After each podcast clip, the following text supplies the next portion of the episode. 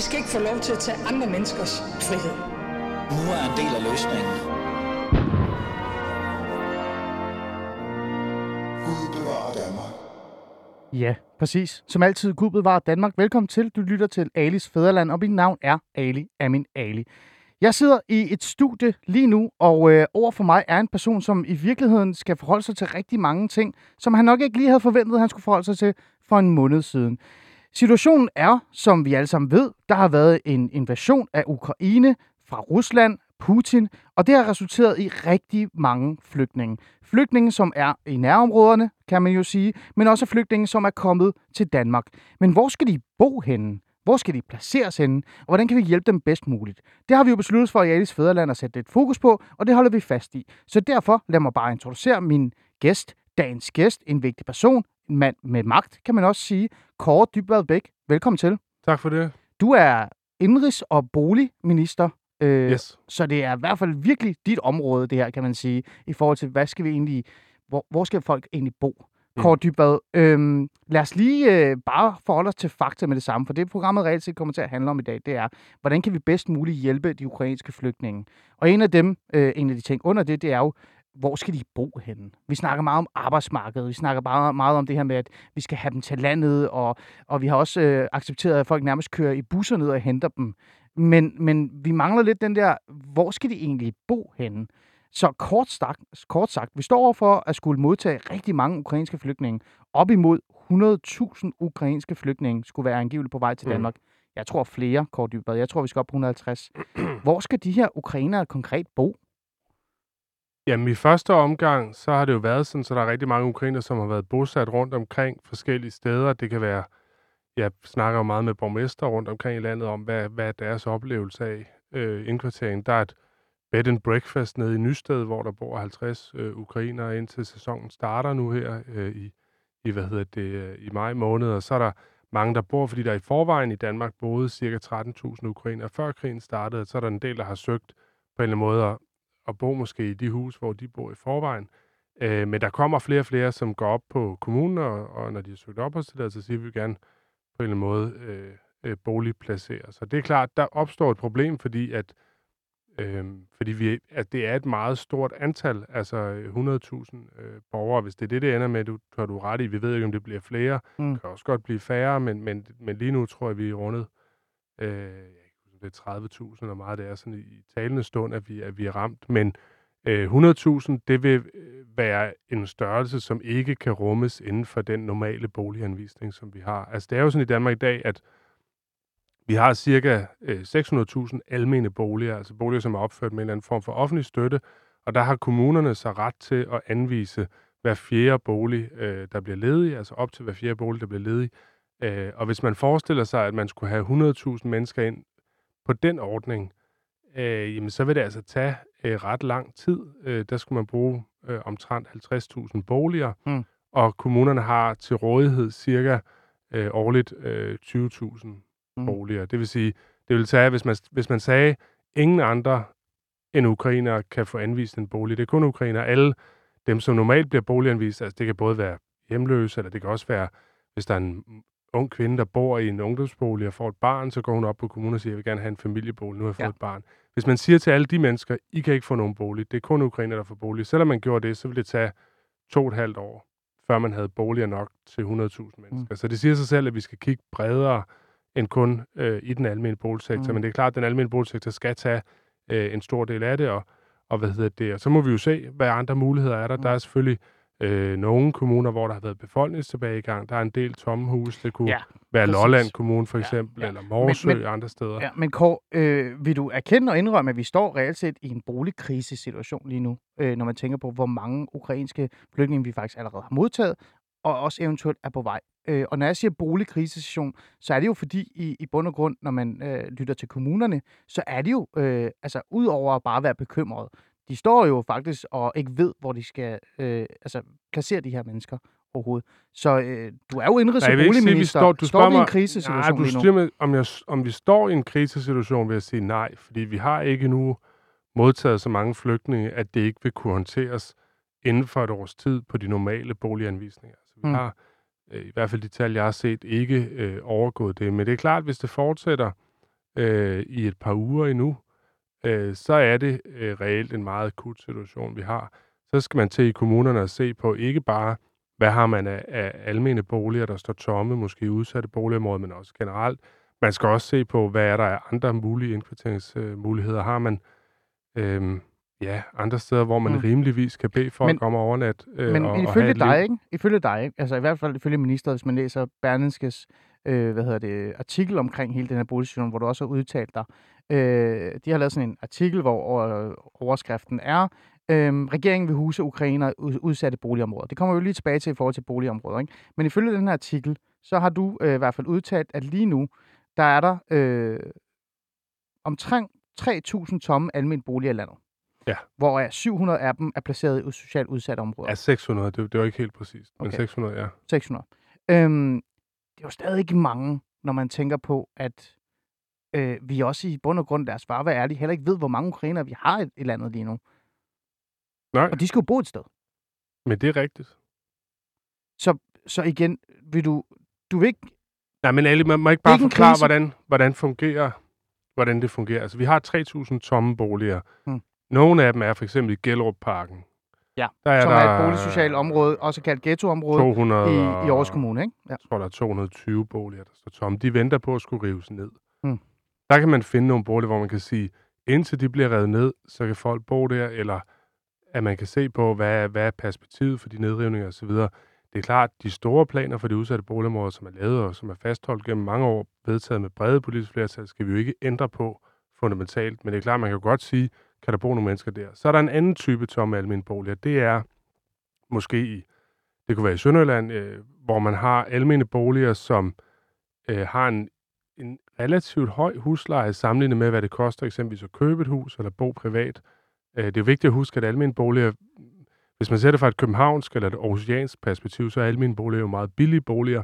Det er det ikke generelt. Altså uden for de største byer, der er private udlejningsboliger tit billigere end almene boliger, fordi de almene boliger har en ret høj boligstandard. Mm. Øh, og, og der er nogle af dem, der er svære at lege ud, simpelthen fordi prisen er for høj. Og det kan for eksempel være på Als. Mm. Og der kan man sige, der står nogle tomme boliger der, som der i dag ikke er nogen øh, borgere i, og der vil det selvfølgelig give mening at sige, kan man bruge nogle af dem til at inkvartere folk. Det er de første 3.000, som jeg siger.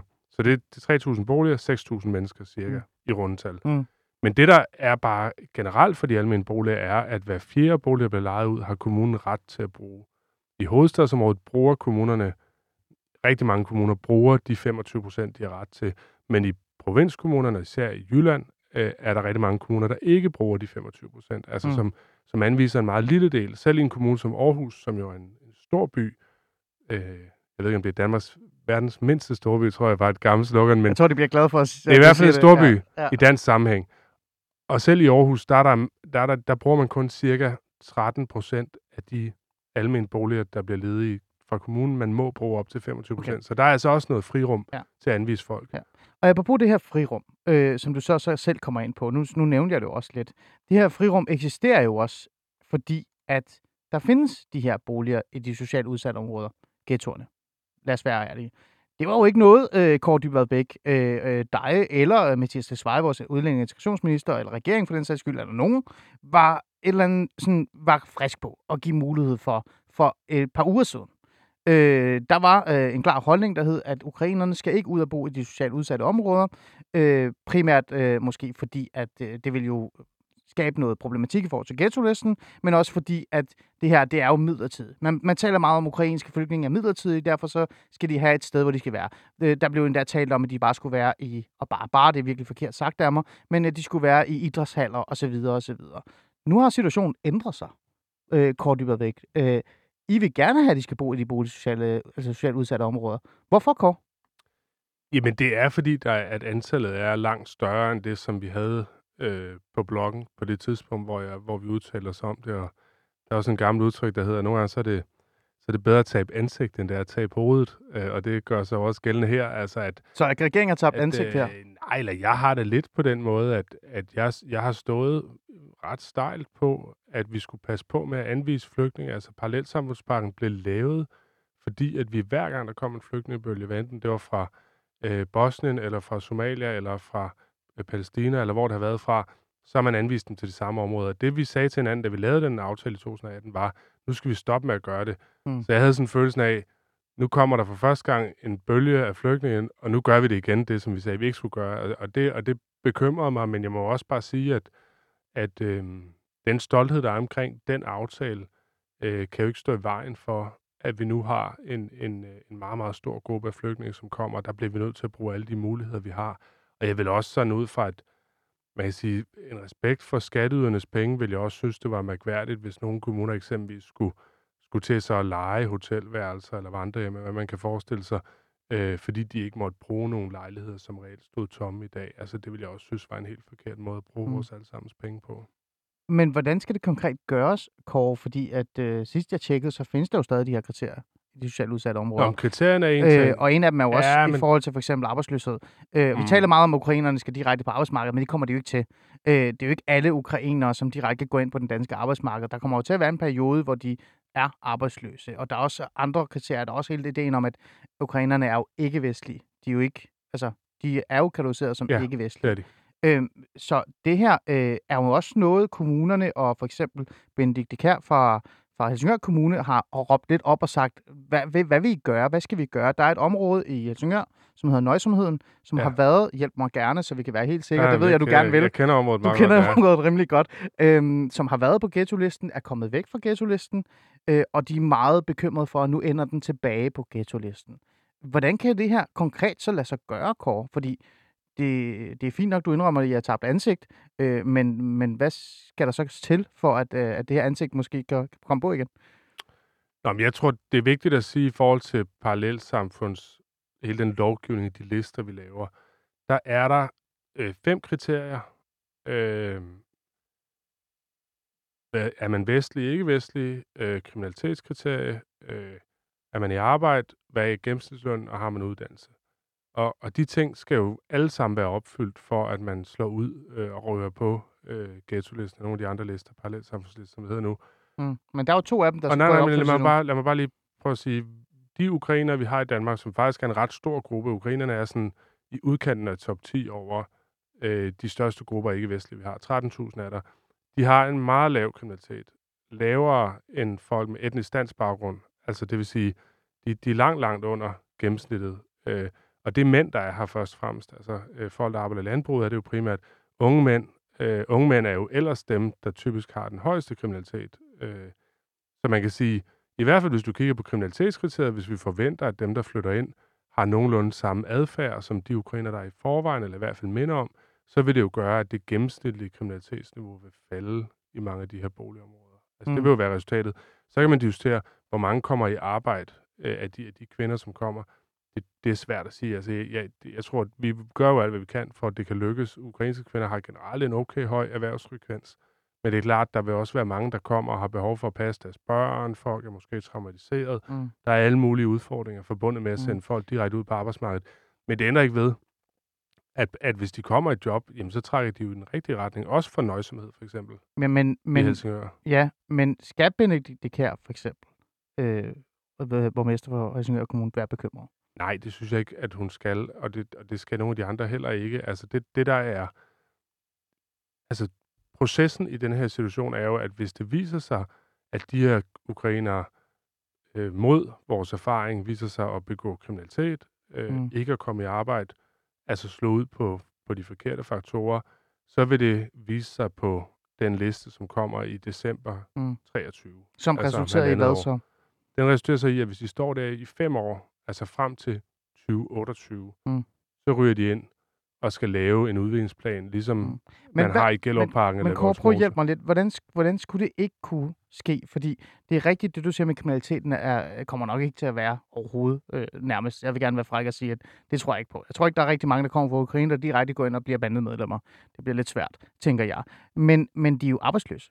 Og, og, og jeg havde jo, øh, hvad hedder det, Elisabeth Haslund fra UNHCR øh, Danmark i studiet for noget uger siden, som sagde, at den første øh, hvad hedder det, bølge af ukrainer, der kommer til Danmark, det er jo folk, der kender Ukraine allerede i landet. Det er folk, der er ressourcestærke, det er advokater og sådan nogle ting. Minder lidt om den øh, bølge, vi reelt set øh, mente, vi fik fra Syrien i 2015. Men anden og tredje bølge, og der kommer nok en tredje bølge, for vi står, sidst jeg tjekkede, det var 3,8 millioner plus, vi- der var flygtninge, altså ukrainske flygtninge. Ikke? Øhm, så jeg tænker sådan, de kommer jo til at være ressourcesvage. Det er der i hvert fald en stor procentdel mulighed for. Det siger Elisabeth Haslund også for UNHCR. Øhm, så det er jo en af kriterierne. De kommer jo ikke til at bare direkte gå ind på arbejdsmarkedet. Så er de jo også vestlige. Ikke vestlige hedder det. Det er et andet kriterie. Øhm, og, og jeg tænker er ikke, lang- jeg tænker heller ikke, men- at den her krig stopper her forløbig. Jeg tror ikke, der er nogen af dem, der sker lige forløbig. Så, så Jeg hvordan er, siger du, jeg er at man ikke skal være bekymret? Jeg er ikke som idealist i den forstand, at jeg tror, at nu kommer der en masse IT-ingeniører og, øh, og hvad hedder det, øh, hjernekirurger og så videre, øh, fordi det er folk, der kommer fra et land, der måske minder mere om os, end, end så mange andre lande gør. Mm. Jeg ved udmærket godt, øh, og, og, og det er vi også i regeringen meget bevidst, at, at der kommer der til at være kæmpe store udfordringer med at sikre, at folk kommer i job. Alene det, at man er i en familiesituation, hvor vi stadig jo, øh, hvor vi oplever, at mange børn også selvfølgelig øh, har nogle oplevelser med sig, som er meget øh, altså voldsomme, Mm. mm. og som påvirker dem enormt meget som forældre, og det kender vi jo selv også børn begge to. Altså, det, der tror jeg da også, at man, at man vil have svært ved at tage afsted om morgenen og så passe et job, øh, mens at, hvis man ved, at ens børn øh, er blevet afleveret i en børnehave, hvor, at, øh, hvor de for det første har en masse problemer, og for det andet kommer ned et sted, hvor der er ingen, der taler det sprog, de selv taler. Altså, jeg kan da godt se, at, at, at det udgør en barriere på vej hen mod arbejdsmarkedet. Jeg er ikke, jeg er ikke en, der, der siger, nu bliver det helt godt, og nu skal vi bare vente og se, så kommer de alle sammen til at få et arbejde. Men hvordan kan du så ikke Men- være bekymret? Men, Øh, men det er altså, også bare vigtigt at sige, at barrieren her, den Mm. ligger på 60 procent. Altså, det vil sige, hvis det er over 60 procent, der kommer i arbejde, så trækker de i den rigtige retning. Kriteriet for at blive parallelsamfund, ryge ind, skulle lave en udviklingsplan, ligesom Voldsmose for eksempel har lavet, det er, at der er 40 procent eller mere, som er uden for arbejdsmarkedet. Og en, altså en forventning om, at 60 procent kommer i arbejde, synes jeg ikke er sådan helt... Altså, det er jo ikke noget, jeg har siddet og snakket med beskæftigelsesministeren om, eller har lavet nogle officielle opgørelser over, men det er jo ikke... Altså, det er jo trods alt et andet mål at sætte, end, end at sige, at de skal op på samme bes- beskæftigelsesfrekvens, som danske kvinder har, som er på Mm. mm. 78 eller meget det er, ikke? Altså, øhm, jeg tror på lang sigt, og i hvert fald inden, at, at, øh, at, at det for alvor betyder noget i forhold til parallelsamfundslovgivningen, det vil sige om fem år, eller hvornår det bliver, Mm. øh, der tror jeg selvfølgelig, at, at vi vil få øh, en del af de folk i arbejde, og også mange, der vil rejse hjem igen, Okay. øh, når, når deres krig er forbi. Øhm, godt. Okay. Ja. Ja. Du tror ikke, den krig er forbi? Jamen, jeg ved år? det ikke, Kåre, fordi det virker som om, at du siger til mig, øh, og du erkender, at der er nogle store problemer her. Øh, og du kender også, at det her, det er jo ikke bare nemt overhovedet. Men samtidig så siger du bare også, at man ikke behøver at være bekymret ude i kommunerne. Borgmesterne behøver ikke at være kommun- bekymret. Benedikt Kær behøver ikke at være øh, bekymret. Øh, Jakob Bundsgaard, øh, borg- borgmester i øh, Aarhus Kommune, behøver ikke at være bekymret. Nej, det jeg ikke sagt. Så der er en bekymring. Jamen, jeg, altså prøv at høre.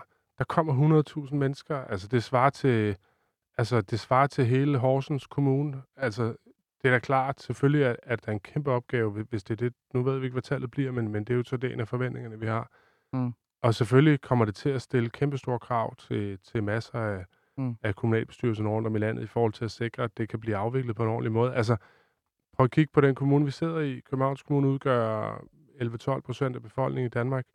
Øhm, hvis de skulle tage 11-12.000 flygtninge, ja. hvor vil man placere dem hen? Ja, hvor vil man Altså, placere det, dem, det, tror du? det, det er jo enormt svært. Men hvor tror du, man bliver Jamen, jeg nødt til tror, at placere man dem? vil, jeg, jeg tror, man Konkret. vil... For det første vil man selvfølgelig bruge den anvisning, man har, men i Københavns Kommune er, bruger man jo i forvejen til boligsocial øh, hvad hedder det, anvisning. Mm. Så har vi jo sagt, at vi synes, man skal prøve at se, kan man lave nogle aftaler med private udlejere om at anvise ind i det. Der er en pulje også i staten, som kan bruges til at kompensere dem, som tager imod folk.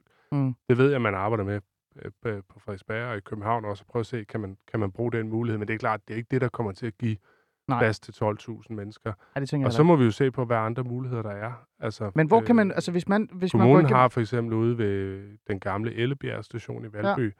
har man nogle, nogle, øh, nogle boliger, som bliver brugt til studiestart. Mm. Altså som sådan en tag over hovedet garanti til studerende, som kommer ud fra, Mm. mm. fra Holbæk eller Slagelse eller et andet sted, som ikke har fundet et sted at bo.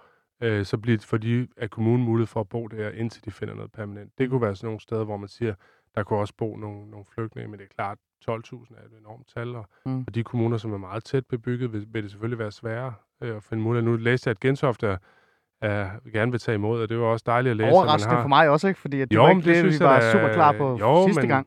Men jeg synes, Men at det er fantastisk, at, at, man, at, man, øh, at man har, har kan man sige, tager sig åben imod og har den Mm. indstilling. Mm. Øh, Men du nævnte det her med, at så skal man bruge de her... Øh, jeg, havde jo, jeg havde jo øh, et eller andet sted håbet på den erkendelse også. Det er jo fordi jeg tror, du er bange for at sige det.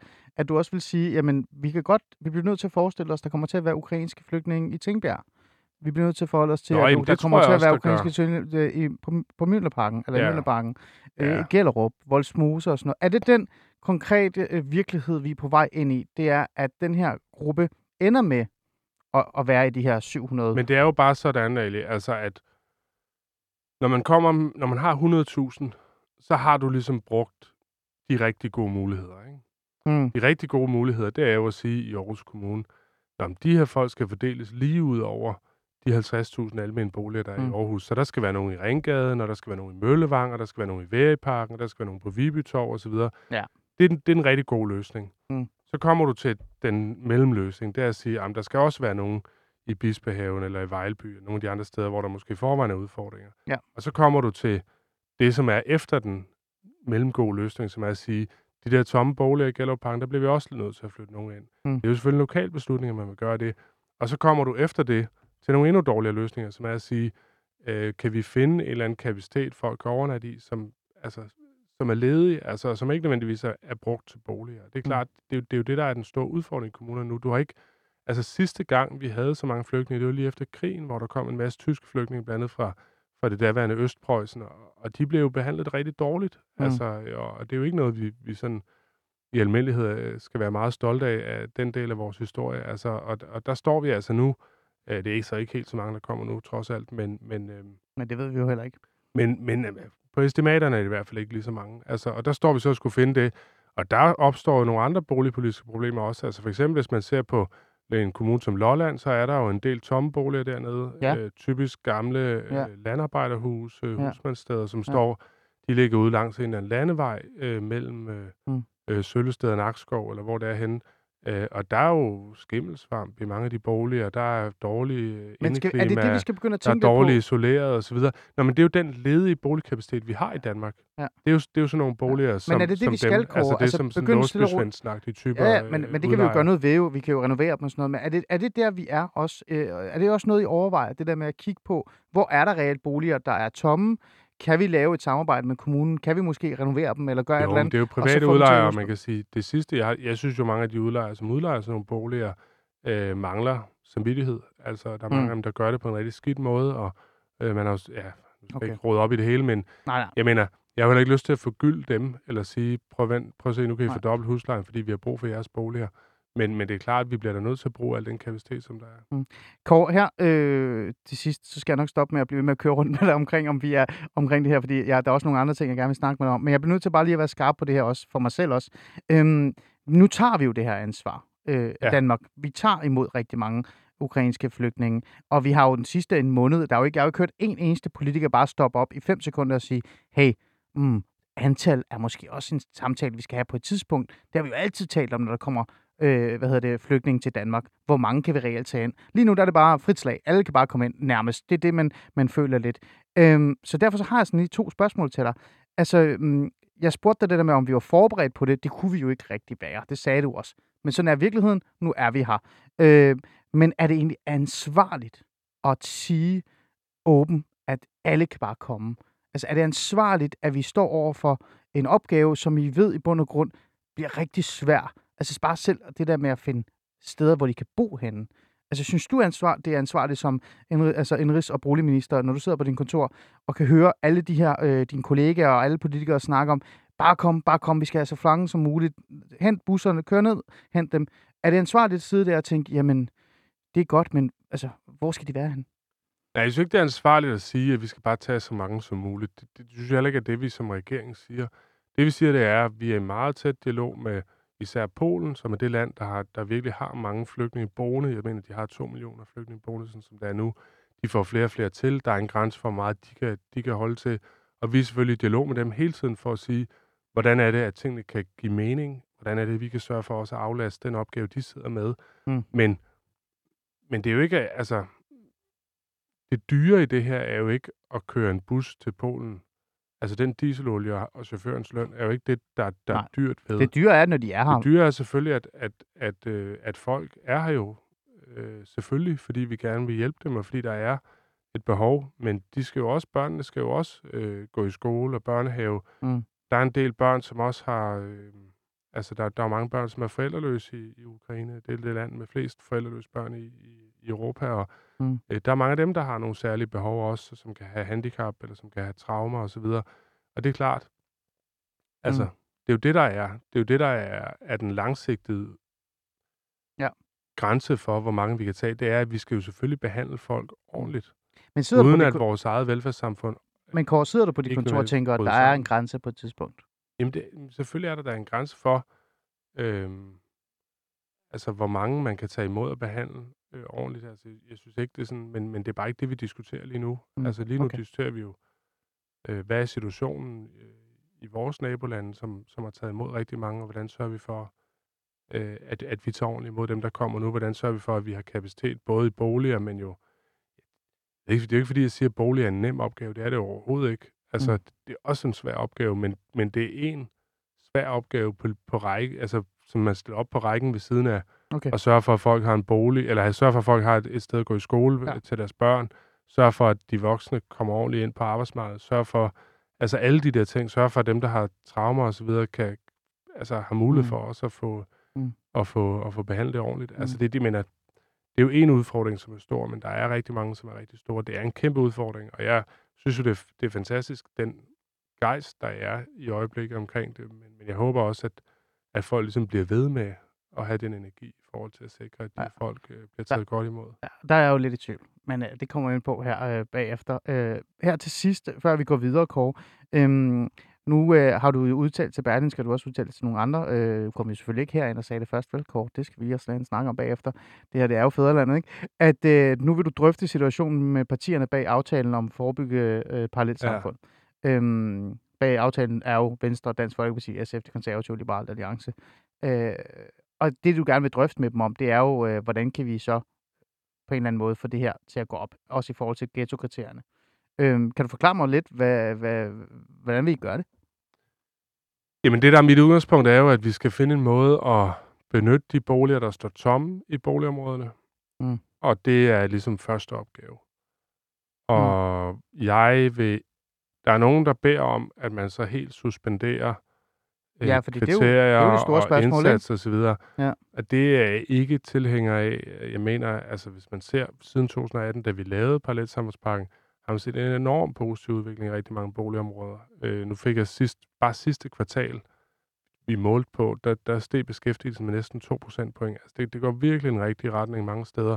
Mm. Et sted som Tænkbjerg er nede på, at der er, jeg tror det er 22 procent, der er uden for arbejdsmarkedet.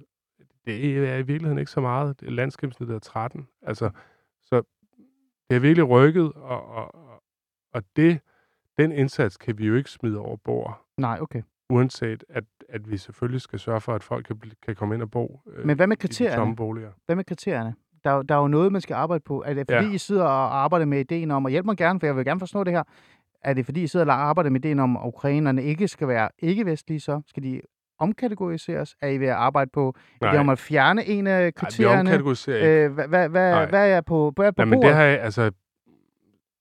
Der er et tidsperspektiv, som er, at i december 23 kommer der en liste, som vil, som vil rumme de end, altså den befolkningsforskydning, som der eventuelt kommer på Mm. grund af, af, af de flygtninge, der kommer fra Ukraine. Men vi kan ikke, det er ikke os, der definerer, hvad der er vestligt og ikke vestligt. Det er Danmarks Statistik, som gør det på baggrund af noget, som Det laver. lytter også lidt til ikke? Mm, nej, de, vi må faktisk ikke instruere dem i, hvordan at de laver deres øh, Nej, okay. statistikker. Okay. Nej, men jeg mener bare, lidt, det er faktisk en ret vigtig ting i den her Ja. diskussion. Jeg ved, at det lyder som teknik. Nej, nej, nej, men det er når, vigtigt men at når forstå. folk er siger til at mig, Ja. ja. parallelsamfundspakken er racistisk, øh, I, har stat, I laver statsracisme og så videre, alt det der, som, som øh, Sikander og andre øh, Fri Grønne. kommer med, øh, ikke? Ja, ja. Altså, så, så er det jo meget vigtigt for mig at sige, vi sidder ikke og piller i, hvad for nogle lande, der er med og ikke med. Vi sidder ikke og siger, om i Israel, der er de hvide i huden, dem piller vi lige ud af listen. Der må man godt komme fra, men til gengæld i Pakistan, der er de mørke i huden, der må man ikke komme fra. Sådan er det ikke. Altså, vi bruger nogle fuldstændig faste, uafhængige opgørelser over, hvilke befolkningsgrupper hører til i hvilke øh, kategorier. Altså, og der er en kategori, som hedder vestlig. Den består primært af EU- og EØS-lande, Mm. øh, og så øh, fire øh, engelsktalende lande, som, som, som er rundt om, øh, altså USA, Kanada, Australien, New Så det vil Zealand. sige, den er off the table. Nej, nej, det kommer ikke til. At, det, vi kan, for det første, vi kan det ikke. For det andet, Godt. selv hvis vi kunne, Nej. så vil, så vil jeg jo give dem ret i at sige, at vi sidder og piller i det.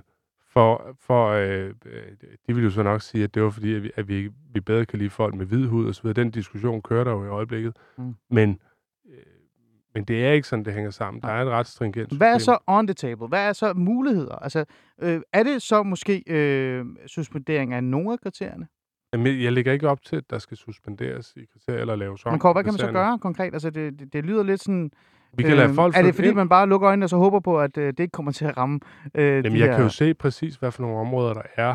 Jeg ser, hvor mange tomme boliger der er. For det første, hvis du tager Gellerparken for eksempel. Den Ja. plan, der er for Gellerparken, den skal gennemføres uanset hvad. Mm. Det vil sige, det, at der bor 200 ukrainske familier i en periode, ændrer jo ikke noget for Gellerparken i forhold til Parallelsamfundsparken. De skal gennemføre den plan, uanset om der bor 200 familier eller ej. Mm. Det ændrer ingenting. Nej. Så kan du sige, så er der en lille gruppe af områder.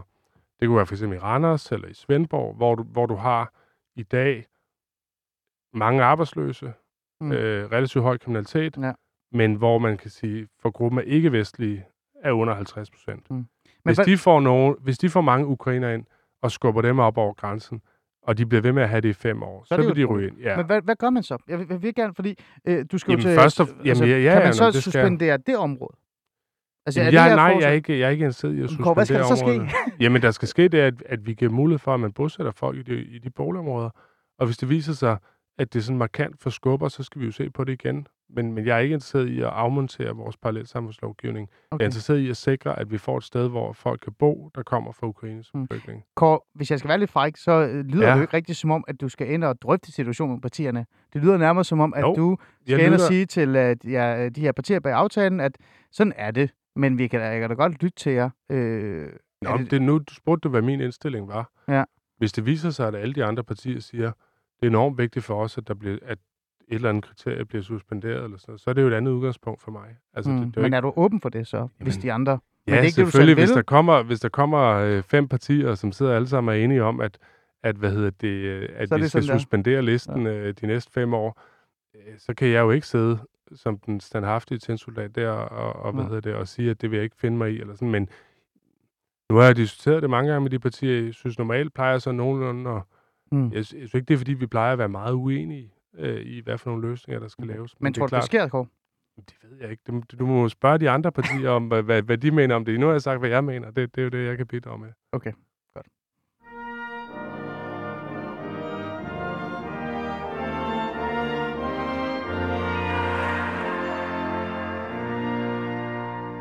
Du lytter til øh, Adis Fæderland, og øh, jeg har Kåre Dybvad Bæk i studiet, vores indrigs- og boligminister, som skal på en eller anden måde forklare mig, hvordan kan vi egentlig hjælpe ukrainerne bedst muligt. Vores øh, udgangspunkt, eller det vi har fokus på, det er jo selvfølgelig, øh, selvfølgelig, selvfølgelig øh, altså, øh, hvor skal de bo hen? Altså, hvordan kan vi placere dem et sted, så de reelt set kan have et hjem?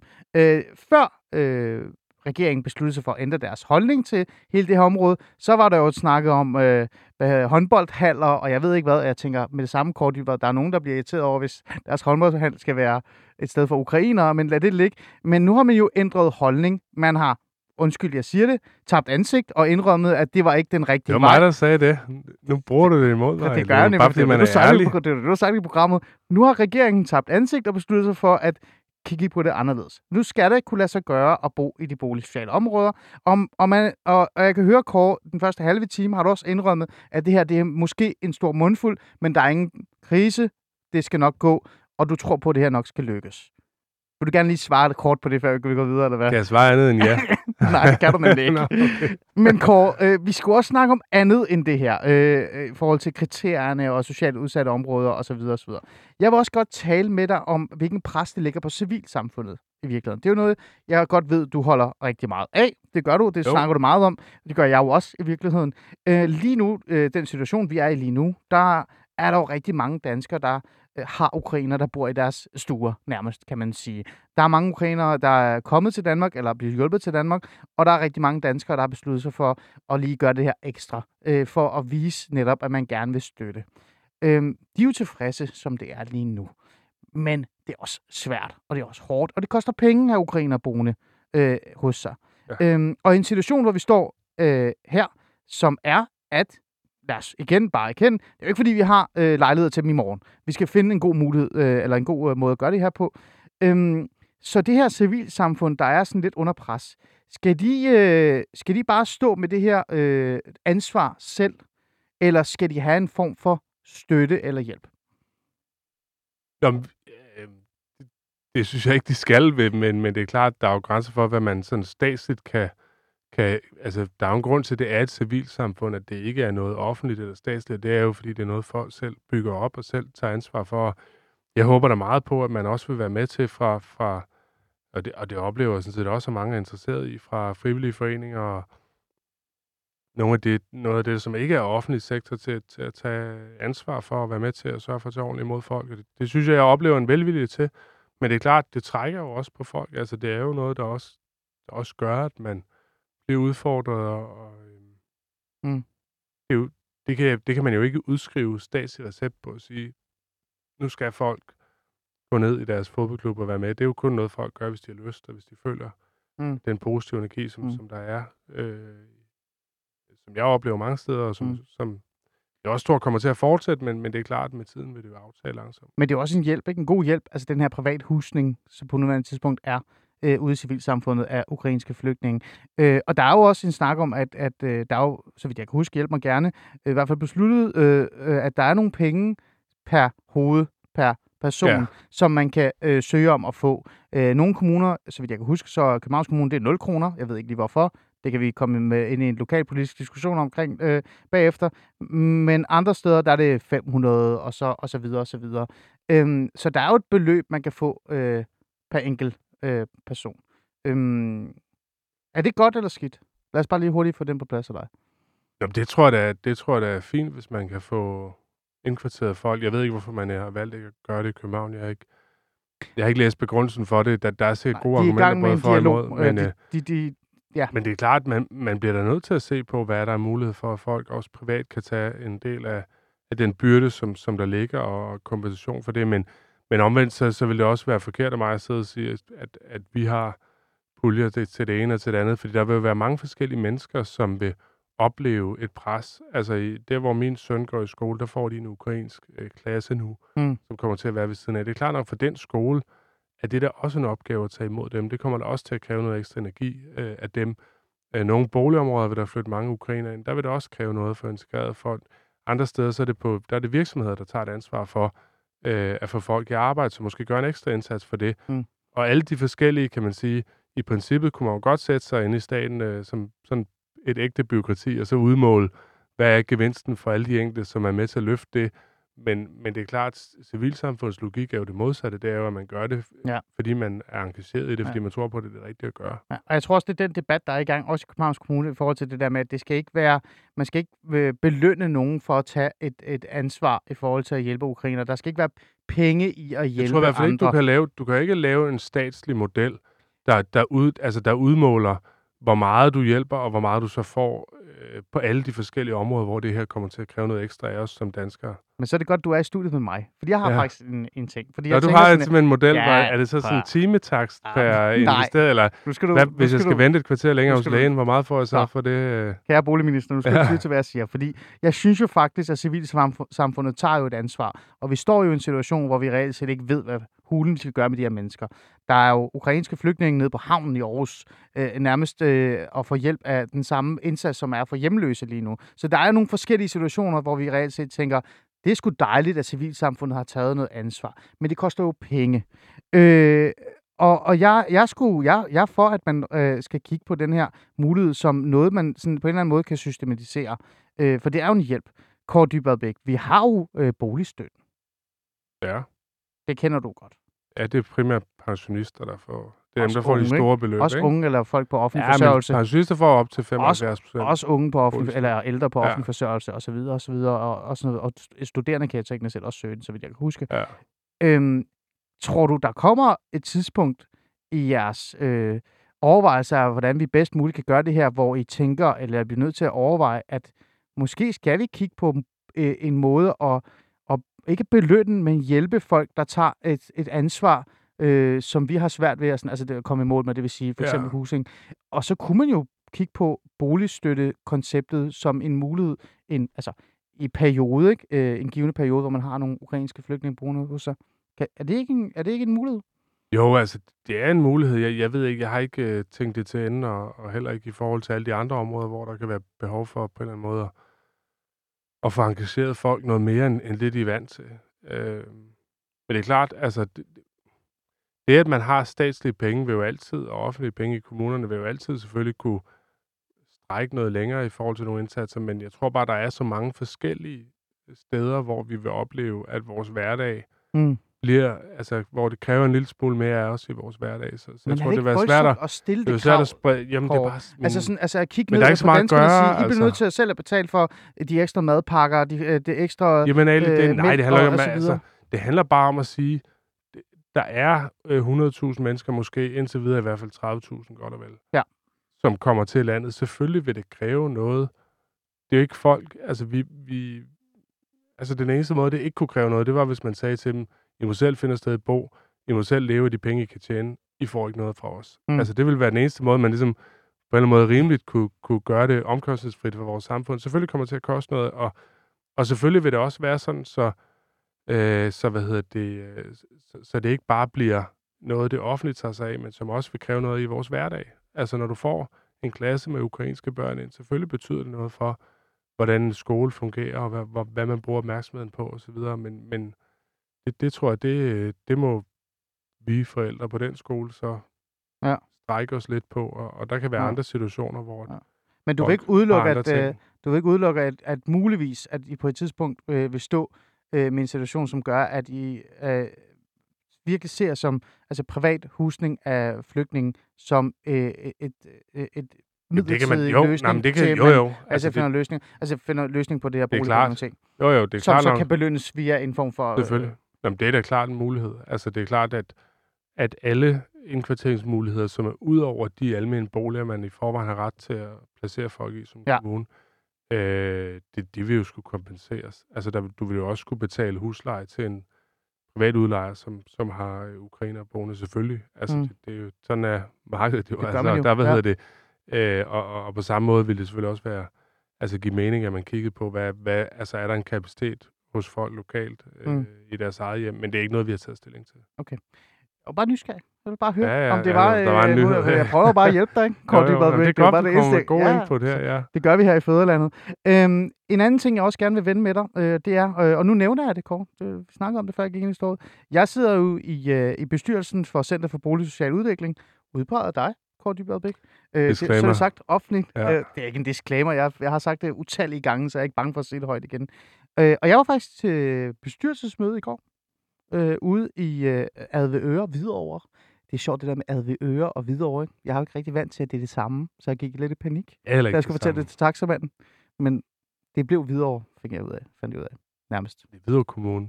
Ja, men det er hedder- Station, ikke? Ad, ja, Og den del af Hvidovre ja, Kommune. nu bliver det en teknisk samtale omkring Det ligesom, det kan ikke- også godt hedde Brabrand, selvom det er i Aarhus Kommune. Ja, men jeg er ikke fra Aarhus. Men, men Kåre, jeg var til det her, eller jeg var jo til det her møde, og øh, en af de ting, som vi kom lidt ind på, og jeg, må jo ikke, jeg siger jo ikke, hvad det er, vi taler om, men vi kom lidt ind på det, det er øh, helhedsplaner og sociale indsatser over for ukrainere. Det er jo noget, vi også bliver nødt til at forholde os til. Gør vi ikke det, Kåre væk? Fordi at nu har vi jo haft en meget særlig fokus på, hvordan sociale indsatser skal være over for de borgere, der er. Du sidder og smiler lidt. Øh, I de her boligområder, vi har haft fokus på, at det skal være beskæftigelsesrettet og øh, ressourcestærke, og vi skal, have, vi skal presse de her mennesker frem. Det er jeg jo fan af. Det ved vi jo godt. Det har jeg Mm. sagt, det har jeg skrevet utallige mange gange om. Men, øh, og så øvrigt har vi også skåret ned på dem. Eller når jeg siger vi, så har regeringen skåret ned på sociale indsatser. I hvert fald pengene til, direkte ned til den kasse der. Øhm, helhedsplaner og de sociale indsatser i de her boligsociale områder. Hvis vi står i en situation, hvor vi skal kigge øh, på de her ukrainere og sige, at de skal jo bo der, så kommer vi jo også til at, at skulle forholde os til, hvad er det for nogle særlige sociale indsatser, vi skal have over for dem. Og igen, som jeg sagde før, den første bølge er nok ressourcestærke, men den anden bølge og eventuelt tredje bølge er jo ressourcesvage, kan være ressourcesvage. Det er kvinder, der kommer med børn. Det er folk, der har oplevet nogle forfærdelige ting i deres flugt fra øh, Ukraine. Jeg så en lille video af en, af en, en femårig dreng, som er på samme alder som øh, min øh, dreng, som stod og græd og, og spurgte hele tiden hans mor, mens hun blev inviteret, interviewet, om der var øh, flyvere over, over dem, for der var sådan en larm fra, jeg tror, ventil, et eller andet øh, en elinstitution. De her mennesker øh, har jo været igennem nogle vanvittige, forfærdelige ting står vi i en situation, øh, Kåre Dybvad, hvor vi skal lige stoppe op og tænke, hvad, de der indsatser, vi måske har skåret lidt ned på, måske skal vi genoverveje og skrue lidt op for dem? Jeg synes ikke, altså det, som jeg sådan set håber på, det er, at vi får placeret øh, ukrainerne nogle ordentlige boliger, men også nogle boliger, som er spredt ud over landet. Altså hvis du ser på, hvor der bor ukrainer i forvejen, så er det jo meget Ringkøbing Skjern Kommune, Viborg Kommune, Vesthimmerlands Kommune, altså landkommuner. Ja. Øh, der er også nogle i Samsø, så vil jeg huske. Ja, men altså, det er kommuner, hvor der er mange landområder i hvert ja. fald. Øh, og der, og der kan man sige, der er jo ikke nogen udsatte boligområder i de steder. Ja. Men vi har jo lige snakket om, at det er Jeg tror, nej, hvis du bare vil mig tale, altså, der mener jeg bare, øh, der er en forudsætning, det er typisk flytter folk derhen, hvor de i forvejen kender nogen, for eksempel Ukraine, og det vil sige, de vil søge nogle af de områder, og også i nogle af de større kommuner, hvor der måske er udsatte boligområder, mm. så er det også min forhåbning, og det, det jeg også er det, jeg hører fra, fra mange af borgmesterne, at man prøver at sprede folk mere, end man har gjort tidligere. Så, jeg, altså jeg synes, det med allerede nu at begynde at sige, at så skal vi have særlige indsatser. Vi ved jo ikke endnu, om ukrainerne klarer sig bedre jobmæssigt, for eksempel. Altså, jeg, jeg tror, de kommer til at klare sig bedre end nogle af de andre mm. flygtningegrupper, vi har haft, men, men det, det betyder ikke, at det bliver vildt godt, eller det bliver, det bliver, at de kommer i arbejde lige så meget, som de ukrainer, der bor her i forvejen, men ja men man kan sige, at de boligsociale indsatser blev lavet netop for, fordi der var for mange, der var kriminelle, for mange, der var uden for arbejdsmarkedet, for mange, der var dårligt integreret i Danmark. Og der synes jeg, at vi skal i hvert fald prøve at se først, hvordan går det med, med de her ukrainer. Kommunerne gør et kæmpe arbejde for at få dem integreret, øh, for at sikre boliger til dem, for at sørge for, at de kommer i arbejde osv. Det, der er et enormt arbejde i gang. Jeg synes, vi skal prøve at se, om ikke det giver noget afkast, før, før vi begynder at skrue mm. op for, den, den boligsociale indsats, som jo er betalt af, af lejerne i den almindelige boligsektor. Ja, men vi får jo øh, øh, en gruppe flygtninge, som kommer ind, øh, som netop har oplevet nogle vanvittige, forfærdelige ting, mm. øh, og skal have noget hjælp nu. Øh, så de, altså, hvis vi virkelig gerne vil have dem i arbejde, hvis vi gerne vil ja. have vendt den positive ting, hvis vi gerne vil have børnene direkte øh, integreret ind, eller øh, altså hele inklusionstænkningen ind i, i skolen, i børnehaverne og sådan noget, så skal vi jo have nogle indsatser. Vi skal have nogle penge øh, ind i de her øh, områder, som de så bor i. Så det er ligegyldigt, om det er socialt udsatte områder, det kan også bare være i Lolland, hvor der er fem familier.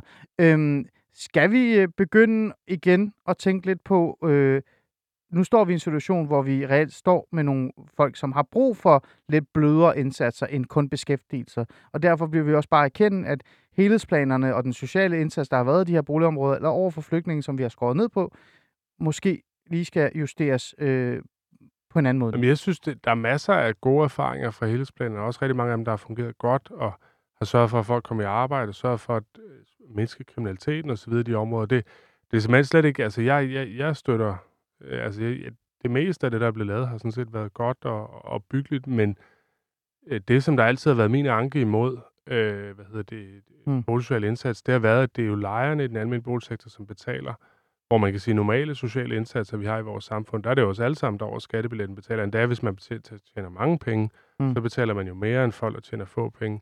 På de boligsociale indsatser, der har det jo været det modsatte.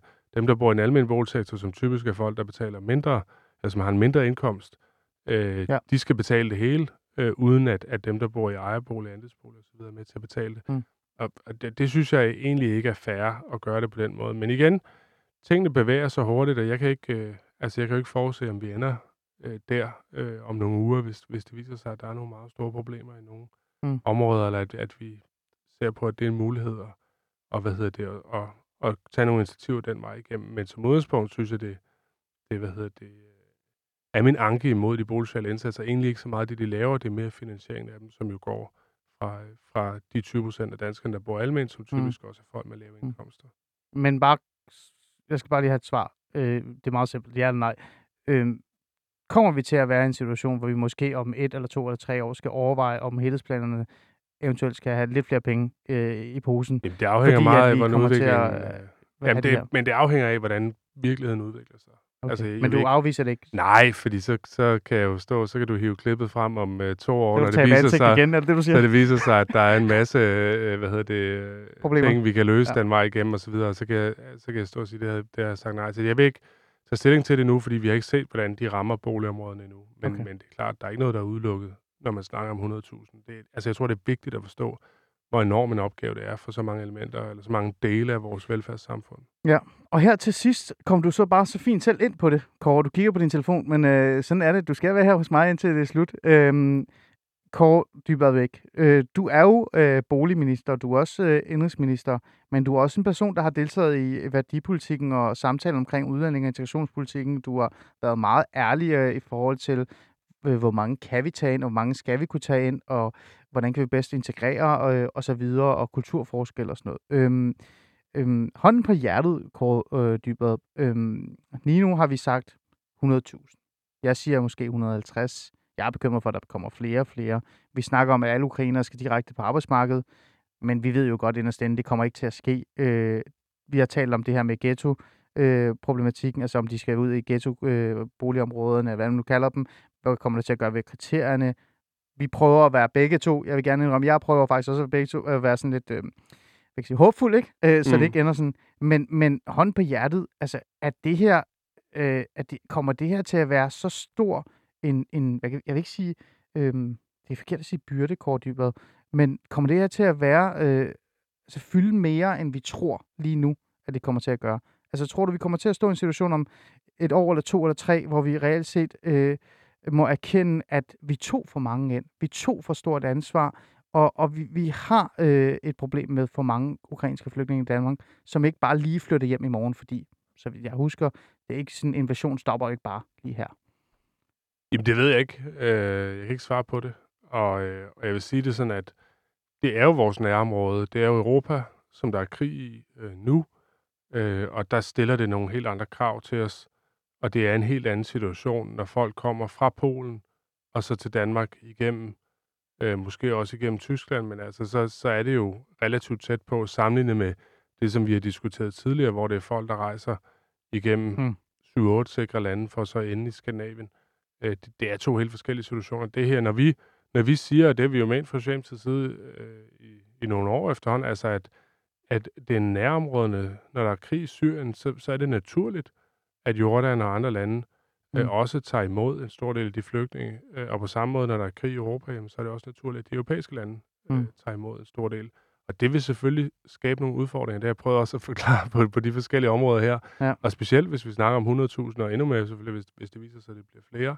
Ja. Øh, men det er, øh, det er den, det er den byrde, som, som, øh, som vi bliver nødt til at tage på os, når vi står i en situation, hvor Europa, mm. hvor vi oplever krig øh, på det europæiske kontinent øh, Mm. for første gang i mange år. Det er et ansvar, vi skal tage. Længere er ikke. Jamen, det mener jeg, det er vores nærområde, og derfor har vi en særlig øh, opgave at løse her, ligesom at vi beder nærområder, lande i Mellemøsten og Afrika om at løse nogle af de problemer, der er dernede. Kåre Dybvad Bæk, indrigs- og boligminister. Tak fordi du vil komme og hjælpe mig med at, at få noget, øh, nogle svar på nogle af de her øh, meget øh, svære spørgsmål, synes jeg faktisk, og også nogle svære problemer, vi, du nok skal forholde dig til i den kommende uge. Øhm, om du så taber ansigt igen om et par år, det finder vi ud af. Øh, Nu prøver jeg at være ærlig, og så dyrker du det, Ali. Nej, jeg dyrker det ikke. Men, men altså, du skal i hvert fald have tak, fordi du, du kom ind. Og til jer lyttere, tak fordi I uh, lyttede med. Igen som sagt, det her med, hvordan vi hjælper ukrainerne bedst muligt, er noget, vi kommer til at have fokus på i Alis Fæderland. Så lyt med og deltag gerne i debatten omkring, hvordan du mener, vi bedst kan hjælpe ukrainerne. Med de ord, så vil jeg bare sige tak. Nu er der nyheder.